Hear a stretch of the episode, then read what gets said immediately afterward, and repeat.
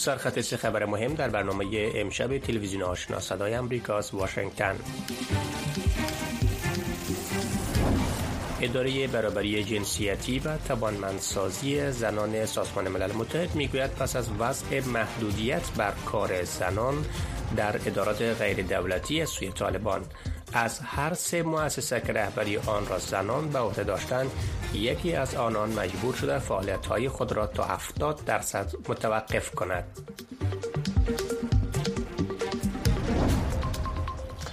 سلام بینندگان گرامی به برنامه امروز خوش آمدین. امروز یک شنبه اول ماه جنوری سال 2023 میلادی هست. برنامه امروز به طور مستقیم از طریق وبسایت و فیسبوک تلویزیون آشنا صدای امریکا نشر می شود من محمد احمدی هستم. مارکس پوتسال معاون دفتر هیئت معاونت سازمان ملل متحد در افغانستان یونما با یک مقام بلندپایه طالبان در مورد تحریم بر کار زنان در مؤسسات غیر دولتی در افغانستان و برخی مسائل دیگر گفتگو کرده است. یونما در یک پست توییتر نوشت که ممنوعیت کار زنان در نهادهای امداد رسان و محرومیت زنان و دختران از رفتن به مکتب و پانتون در این کشور به میلیون ها تن آسیب میرساند و از رساندن کمک های حیاتی به زنان، دختران و کودکان جلوگیری می کند. وزارت اقتصاد طالبان شنبه هفته گذشته اعلام کرد که زنان تا امر ثانی نمی توانند که در مؤسسات داخلی و خارجی غیر دولتی در افغانستان کار کنند. این وزارت دلیل آن را عدم رعایت حجاب اسلامی از سوی کارمندان زن گفته شده است. اداره برابری جنسیتی و توانمندسازی زنان سازمان ملل متحد می‌گوید پس از وضع محدودیت بر کار زنان در ادارات غیر دولتی از سوی طالبان از هر سه مؤسسه که رهبری آن را زنان به عهده داشتند یکی آن مجبور شده تا فعالیت‌های خود را تا 70 درصد متوقف کند. این اداره به تازگی با نشر نتیجه این سروه در صفحه توییتر نوشته است که این نتیجه را پس از گفتگو با رؤسای 151 مؤسسه ای که زنان آن را رهبری می‌کردند و با همه یا باید همه تمرکزشان بالای زنان بود جمع آوری کرده است. این اداره برابری جنسیتی و توانمندسازی زنان سازمان ملل متحد می‌گوید در کل امور کاری 151 مؤسسه 81 درصد متوقف شده و 86 درصد متوقف شده و یا هم فعالیت جزئی دارند. در این سروی آمده است که یک هفته پس از ممنوعیت کار زنان و دختران از سوی طالبان در ادارات غیر دولتی از رهبران این سازمان ها پرسیده شده بود که این تصمیم تا چه اندازه بر عملیات و فعالیت های امداد و نجات تاثیر بدی داشته است. طالبان ناوقت روز شنبه هفته گذشته این ممنوعیت را وضع کردند. نهاد حفاظت از کودکان یا Save the Children می‌گوید که هیچ نوع اراده ای وجود ندارد که بدون کارمندان زن برنامه های خود را برای افغانستان دوباره آغاز کند. کیان سالاریکا مسئول بخش رسانه ها و ارتباطات Save the Children در صحبت با همکارم ژیلانوری نخست در مورد تاثیر تعلیق فعالیت های نهاد بر مردم افغانستان توضیح داده است.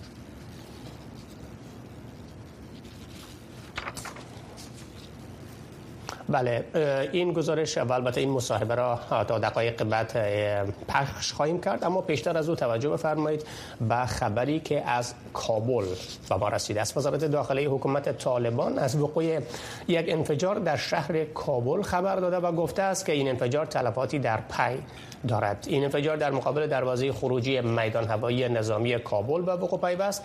مقام های طالبان تا به حال از شمار دقیق قربانیان این انفجار رقمی ارائه نکردند برخی شاهدان عینی گفتند که در این انفجار بیشتر به کارمندان این میدان هوایی تلفات وارد شده است. تاکنون مسئولیت این انفجار را فرد و یا گروهی بر عهده نگرفته است. اما پیش از این شاخه خراسان گروه داعش بسیاری از انفجارات و حملات مسلحانه در کابل و برخی از ولایت دیگر به عهده را به گرفته است. با حال توجه شما را جلب می کنم و مصاحبه که با یک از مسئولین نهاد سیو چیلدرن صورت گرفته بود. ما یک تصمیم دشوار برای به تعلیق برآوردن برنامه خود گرفتیم اما برای ما می‌دانید در واقع تصمیم ادامه فعالیت ما است. ما نمی توانیم بدون کارمندان زن چه دکتر باشند یا کارمندان صحی و نرس ها به طور مسئول و مؤثر برنامه های خود را به پیش ببریم. ما در خط اول مبارزه با مشکلات صحی قرار داریم و کارمندان زن در دفاتر ما کارهای اداری مالی و غیره را از ابتدا به پیش بردند. واقعا تصمیم طالبان به خاطر محدود ساختن کار زنان در سازمان های غیر حکومتی باعث می شود که ما نتوانیم به طور عملی فعالیت داشته باشیم. به نظرم در همین حال ما تلاش کرده ایم با همکارانمان در تمام بخش ها کار کنیم و ببینیم که برای معکوس ساختن این تصمیم طالبان چه کار می توانیم همکنون ما تمام برنامه ها و مصارف خود را به تعلیق درآوردیم. واضحا که بهای گذافی در بر خواهد داشت و بیشتر بر کودکان که تاکنون با آنها کار کردیم تأثیر می‌گذارد. اما گزینه دیگری برای ما در این مرحله نمانده است و ما سخت می‌کشیم تا راه های حل را پیدا کنیم. آیا تعلیق برنامه های شما مقطعی است یا که می‌خواهید که بدون کارمندان زن دوباره کار آغاز کنید؟ طالبان به شما تا چی پاسخ دادند؟ ما هیچ عزمی نداریم که برنامه های خود را بدون کارمندان زن دوباره آغاز کنیم. قسمی که گفتم آنها بخش مهم فعالیت های ما هستند. ما نمی توانیم بدون زنان خدمات خود را ارائه کنیم.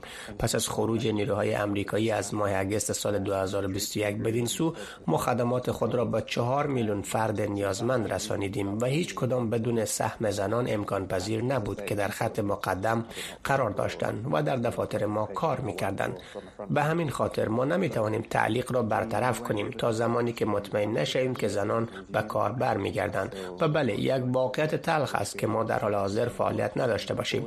از جانب مقامات برای ما چیزی گفته نشده است که تصمیم خود را معکوس می سازند و چند روز گذشته است. امیدوارم به زودی خبر خوش برای ما برسد و ما برنامه های خود را دوباره آغاز کنیم. در مورد کارمندان زن در سازمان حفاظت از کودکان که توضیح بدهید که چی سهم مهم دارند و پیامد نبودن آنها بر افغانستان به خصوص کودکان نیازمند چی خواهد بود؟ قسمی که قبلا گفتم در نهایت پیامد ممنوعیت کار زنان در سازمان های غیر حکومتی منجر به عدم ادامه برنامه های ما خواهد شد. آنها در کل نقش مهم دارند و می توانم بگویم که در ماه اگست سال 2001 در موقف مشابه قرار گرفتند و ما تا وقتی مطمئن نشدیم که زنان با ما کار می کنند فعالیت های خود را تعلیق نموده بودیم.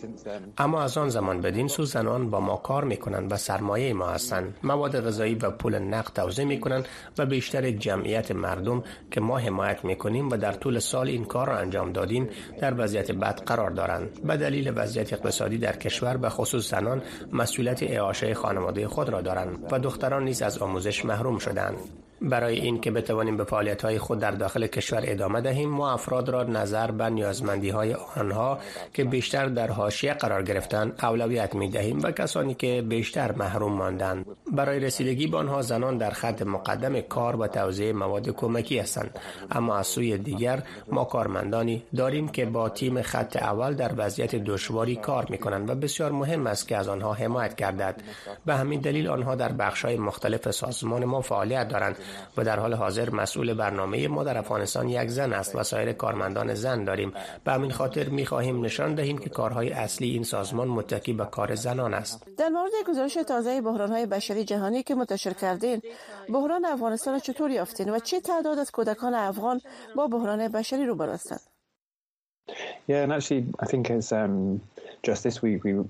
فکر می‌کنم این هفته ما گزارش بررسی جدید های بزرگ در جهان را منتشر کردیم و در افغانستان حدود 14 میلیون کودک نیاز به کمک بشری دارند و در کل نفوس کشور نیازمند است و یکی از بزرگترین ها در جهان شمرده می شود. به همین خاطر در طول سال 2022 ما واضحا نگران اوکراین بودیم و در سایر نقاط جهان وضعیت بد شده است. در جمهوری کانگو بحران بشری بزرگ وجود دارد اما در میان همه وضعیت افغانستان در ردیف اول قرار گرفته است. به خاطر که رقم زیاد کودکان متاثر شدند. به همین خاطر به نظرم در زمانی که فعالیت کارمندان زن را ممنوع قرار دهند تاثیر آن بر روند رسانیدن کمک های بشری بزرگ خواهد بود. فکر می کنم اگر به سال گذشته نظر بیاندازیم از زمان حاکمیت طالبان بدین سو متوجه می شیم که کمک های بشری بین المللی به افغانستان کاهش یافته است. با هم هر آنچه از آن زمان بدین سو اتفاق می افتد باز هم پرسش این است که چطور به نیازهای مردم در سال 2023 رسیدگی نماییم و واقعا دشوار است. مصاحبه همکارم ژیلا نوری بود با مسئول رسانه ها و ارتباطات نهاد حفاظت از کودکان که در مورد ممنوعیت زنان در ادارات حکومتی غیر حکومتی مصاحبه کرده بود. شرکت برق افغانستان برشنات که توسط مقام های طالبان رهبری می شود از تمدید قرارداد برق وارداتی ازبکستان به افغانستان تا پایان سال 2023 میلادی خبر داد. حکمت الله میبندی سخنگوی این شرکت روز یکشنبه با فرستادن پیامی به خبرنگاران گفت که این قرارداد روز گذشته با حضور مقام های طالبان و ازبکستانی در شهر تاشکند به امضا رسید افغانستان متکی به برق وارداتی از کشورهای همسایه خود است و بر اساس آمار شرکت آمار شرکت برق افغانستان در حال حاضر حدود 1600 مگاوات برق نیاز دارد که 70 درصد آن را از ازبکستان، ترکمنستان، تاجیکستان و ایران وارد کرده و 30 درصد دیگر از منابع داخلی این کشور تامین می شود.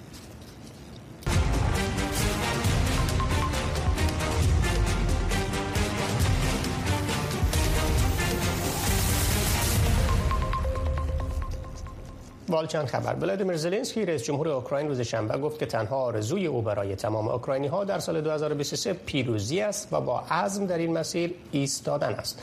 او تاکید کرد از زمان تهاجم روسیه به اوکراین او با مردمش خواهد ماند و برای آزادی می جنگد ولادیمیر پوتین رئیس جمهور روسیه تهاجمش بر اوکراین را به تاریخ 24 فوریه سال 2022 آغاز کرد و آن را عملیات خاص برای خلع نازی سازی و غیر نظامی سازی اوکراین خواند آن را تهدیدی بر روسیه خوانده بود. پوتین نیز در سخنرانی سال نو میلادی از مردم روسیه خواست پشتیبان سربازان روسی در جنگ اوکراین باشند. حکومت ژاپن یک اعتراض نامه دیپلماتیک را علیه کره شمالی بعد از آن اقامه کرده است که پیونگیانگ یک میزایل بالستیک را اوایل صبح یک شنبه پرتاب کرد. وزیر دفاع ژاپن با ذکر این مطلب به خبرنگاران در توکیو گفت که این آزمایش سلاح در روز سال نو انجام شده است. وزیر دفاع ژاپن افزود که در سال گذشته پرتاب های مکرر میزایل توسط کره شمالی تنش ها را در شبه جزیره کره و منطقه به شدت بلند برده است. و همچنین گفت که سلسله تحریکات کره شمالی صلح و امنیت ژاپن منطقه و جامعه بین المللی را تهدید می کند و نباید تحمل گردد. تازه ترین پرتاب میزایل های کره شمالی در حالی است که حزب کارگران حاکم پیونگیانگ یک جلسه مهم را دایر کرد که کیم جونگ اون رهبر کره شمالی قبلا در آن نوع جلسات اعلان سیاست عمده خود را برای سال جدید بیان می کرد. پاکستان گفته است که یک فهرست از پایگاه ها و تأسیسات هسته‌ای خود را به مأموریت هند در اسلام آباد روز یک شنبه مطابق توافق 20 ساله گذشته بین دو کشور رقیب مجهز به سلاح هسته‌ای تحویل داده است. این دو کشور همسایه سه جنگ با یکدیگر داشتند و شمار دیگر و شمار درگیری نظامی هم در سالهای گذشته داشتند. سال گذشته هند به طور اتفاقی یک میزایل را به پاکستان پرتاب کرد که زنگ خطر را در سراسر جهان به صدا درآورد. طبق بیانیه دفتر روابط خارجی پاکستان، این فهرست پایگاه ها و تأسیسات هسته‌ای در پاکستان به طور رسمی به نماینده کمیسیون عالی هند در اسلام آباد در مقر وزارت خارجه پاکستان روز یک شنبه تقدیم کردیم. وزارت خارجه هند به طور فوری به این خبر به خبرگزاری رویترز واکنشی نشان نداده است. جو بایدن رئیس جمهوری ایالات متحده گفته است که در روزهای رخصتی کریسمس و سال نو در مورد نامزدی خود برای دور دوم در انتخابات ریاست جمهوری سال 2024 با اعضای خانواده خود صحبت خواهد کرد. مقامات قصر سفید و حزب دموکرات به این باورند که او برای دور دوم خود را کاندید خواهد کرد ولی پرسشی که مطرح می شود این است که آیا او قادر به اخذ رأی برای نامزدی حزب خود خواهد بود یا خیر در ولسوالی پرنس جورج ایالت مریلند که اکثریت جمعیت آن را سیاپوستان تشکیل می دهد قطع نظر از چگونگی اشتراک مردم در انتخابات ریاست جمهوری حزب دموکرات همیشه برنده است. مسئول ولسوالی 11 عضو شورا قماندان پلیس کاتب محکمه و دهاتن از قانونگذاران در مجلس سنای ایالت همه دموکراتند. کدام کاندید جمهوری خواهی که به نظر من بتواند در ولسوالی پرنس جورج برنده شود وجود ندارد. جیم واس معاون مسئول حزب جمهوری خواه برای این ولسوالی با این گفته او موافق است. در طول عمرم این کار نشده. من فعلا 70 سال هستم. در طول سالهایی که من اینجا بودم مریلند و ولسوالی ما بیشتر به سوی دموکرات ها تمایل پیدا کرده. ولی آقای واس می‌گوید جمهوری خواهانی که در این ولسوالی زندگی می کنند نباید از رای دادن در انتخابات ریاست جمهوری صرف نظر کنند. یکی از این اوقات مهم خواهد بود و اگر شما حضور نداشته باشید مطرح هم نخواهید بود. چیزی که برای رای دهندگان هر دو حزب مهم است عمر جو بایدن است که یکی از سال خورده ترین رؤسای جمهور امریکاست اگر قرار باشد که او بار دیگر رئیس جمهور شود در ختم دور دوم او 86 ساله خواهد بود. پرسش این است که آیا در این ولسوالی که در سال 2020 بیشترین رای را به دست آورد او قادر خواهد بود که رقبای خود را در انتخابات میان حزبی سال 2024 شکست دهد یا خیر؟ من نمی کنم که او حمایت همه جانبه مردم را با خود داشته باشد. اگر به میزان محبوبیت پایین وی بنگریم فکر نمی کنم که تنها جمهوری خواهان چنین احساسی داشته باشند. دموکرات ها هم عین احساس را دارند. قطع نظر از این که من چگونه در مورد رئیس جمهور فکر می کنم و اینکه چگونه او موفق می شود فکر می کنم نگرانی وجود دارد که او قادر به ادامه کار در چهار سال دور دوم نخواهد بود. قسمی که در دیگر نواحی دموکرات دیده شده دموکرات های ولسوالی پرنس جورج هم یک پارچه نیستند. آنان به عناوین ترقیخواه میانه و لیبرال و محافظه کار تقسیم شده اند در سال 2020 بایدن آنان را برای شکست دادن دونالد ترامپ با هم متحد ساخت. ما همه توانستیم که اختلافات خود را پشت سر بگذاریم و یک جا کار کنیم ولی یک تعداد در حزب فکر می‌کنند نیاز است که رهبری یک شخص دیگری را انتخاب کند. بنابراین این نشان می‌دهد که دیدگاه های افراد در مورد این که رئیس جمهور بایدن به ریاست جمهوری دوام دهد یا خیر چگونه نوسان پذیر می باشد آقای واس مسئول محلی حزب جمهوری خواه می‌گوید ممکن والی دموکرات 55 ساله کالیفرنیا نسبت به رئیس جمهور فعلی سال خورده در بین دموکرات های پرنس جورج زیاد طرفدار داشته باشد. یگانه رئیس جمهور منتخبی که در تاریخ امریکا از طرف حزبش برای دور دوم انتخاب نشد رئیس جمهور دموکرات فرانکلین پیرس در سال 1856 بود. نام برده به خاطر عمرش نه بلکه به خاطر نگرانی از پالیسی هایش نتوانست رأی حزب خود را به دست آورد. مومن خان واحدی صدای امریکا واشنگتن. مانند بسیاری از شهرهای ایالات متحده شهر دنور در ایالت کلرادو نیز با افزایش تعداد مهاجرین مواجه است و طبق معلومات دفتر شاروال این شهر از نهم ماه دسامبر سال 2022 به این سو بیش از 1500 مهاجر به این شهر رسیدند. طبق گزارش کارلاین پرسوتی خبرنگار صدای آمریکا این مهاجرین با کمبود خدمات عامه که از قبل به دلیل رخصتی های آخر سال با کاهش مواجه بود روبرو هستند. شرح بیشتر در این گزارش. قدم زدن در شهر دنور برای این مهاجر 21 ساله از ونزویلا تعجب آور است. دنور بسیار سرد است و من سه کرتی و چهار پیراهن بر تن دارم. این مردی که نامش را الکس نهادیم چون نمی‌خواست نام اصلیش استفاده شود درست قبل بعد از یک سفر طولانی از امریکای جنوبی به اینجا رسید. من چندین روز در جنگل بدون نان و لباس و حمام کردن و حتی خوابیدن راه رفتم. بسیار دشوار بود.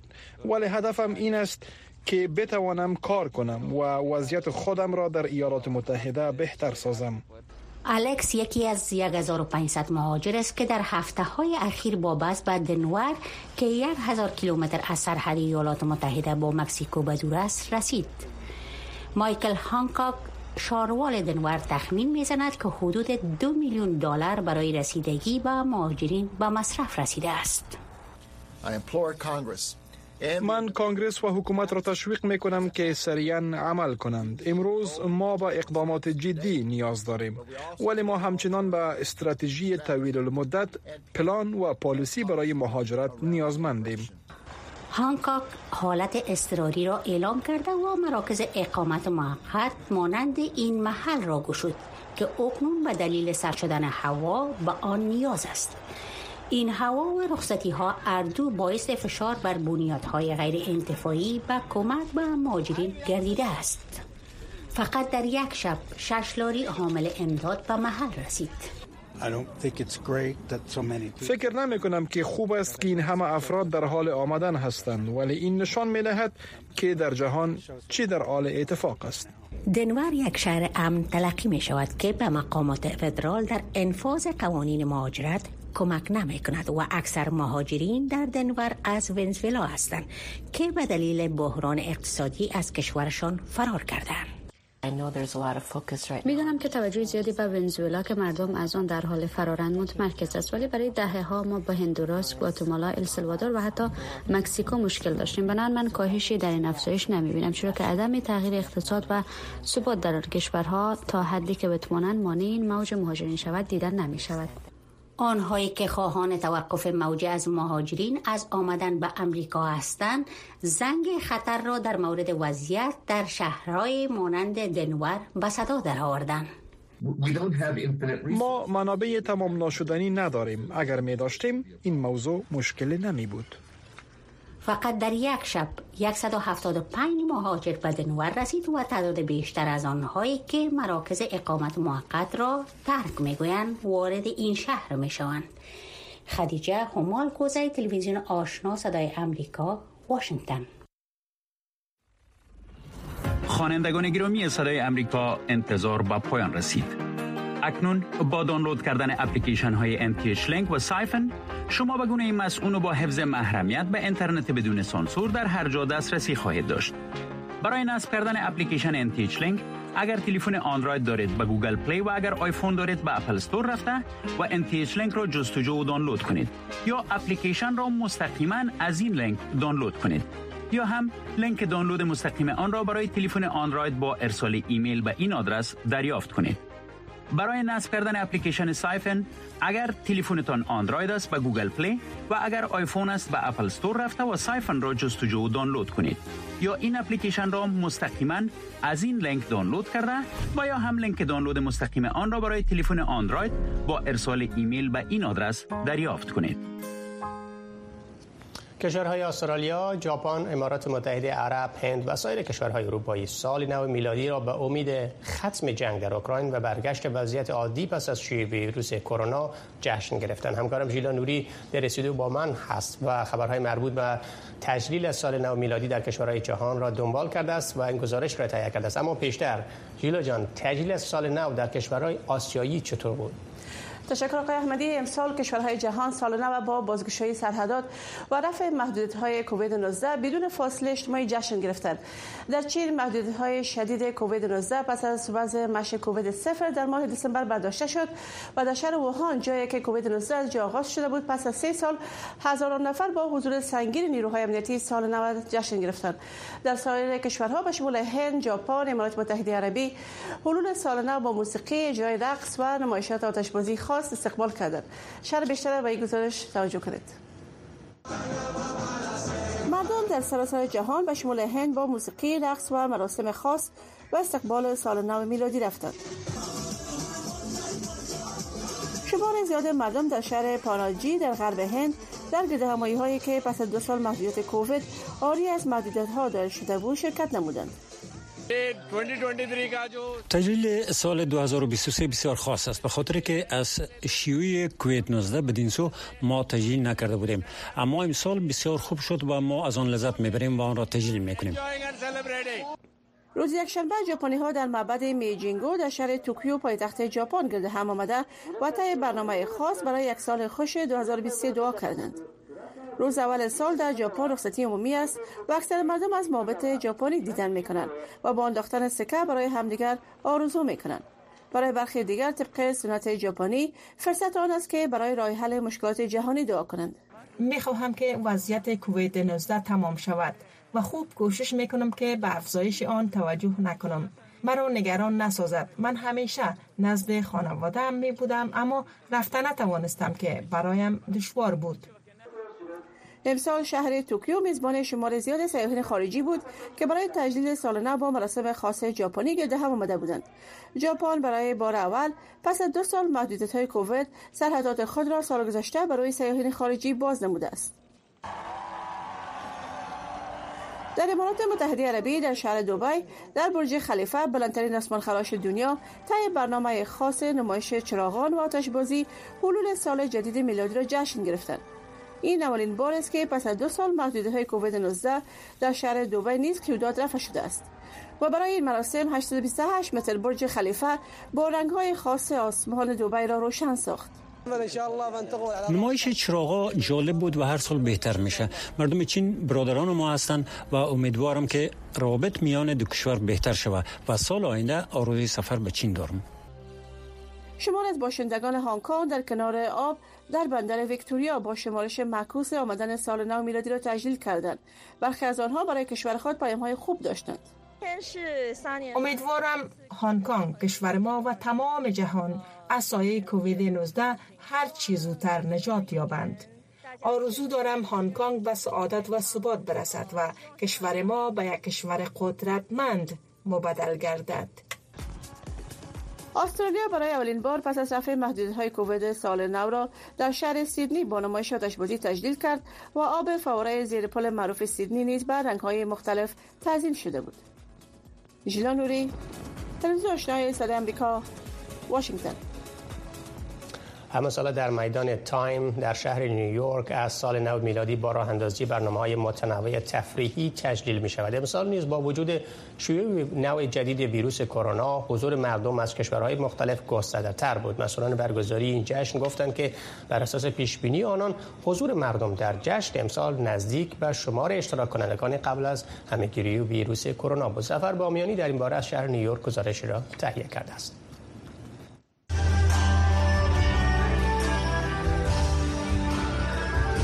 میدان تایمز در منهتن شهر نیویورک که از مراکز مهم سیاحتی و تجارتی جهان است بار دیگر شاهد برگزاری جشن سال نو میلادی با حضور پرشور اشتراک کنندگان از بسیاری کشورهای جهان بود. در حالی که شیوع نوع جدید بیماری کرونا و سردی هوا نگرانی های را برای برگزار کنندگان این جشن به وجود آورده بود اما تدویر کنندگان این جشنواره از حضور پررنگ مردم در جشنواره سال نو 2023 استقبال کردند. با وجود بارش باران و هوای سرد در شب سال نو 2023 میلادی اما هزاران نفر از کشورهای مختلف در برنامه های جشن سال نو حضور داشتند.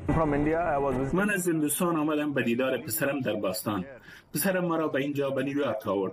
یک و نیم ساعت است منتظر هستیم تا خود را به میدان تایمز برسانیم اما تجمع اشتراک کنندگان بسیار زیاد است. بسیاری از افراد صبح زود یک روز قبل از سال نوی میلادی تلاش می کنند خود را به میدان تایمز برسانند. و ساعت ها منتظر میمانند تا دوازده شب توپ سال نو در میدان تایمز از یکی از برج های آسمان خراش تایمز رها شود.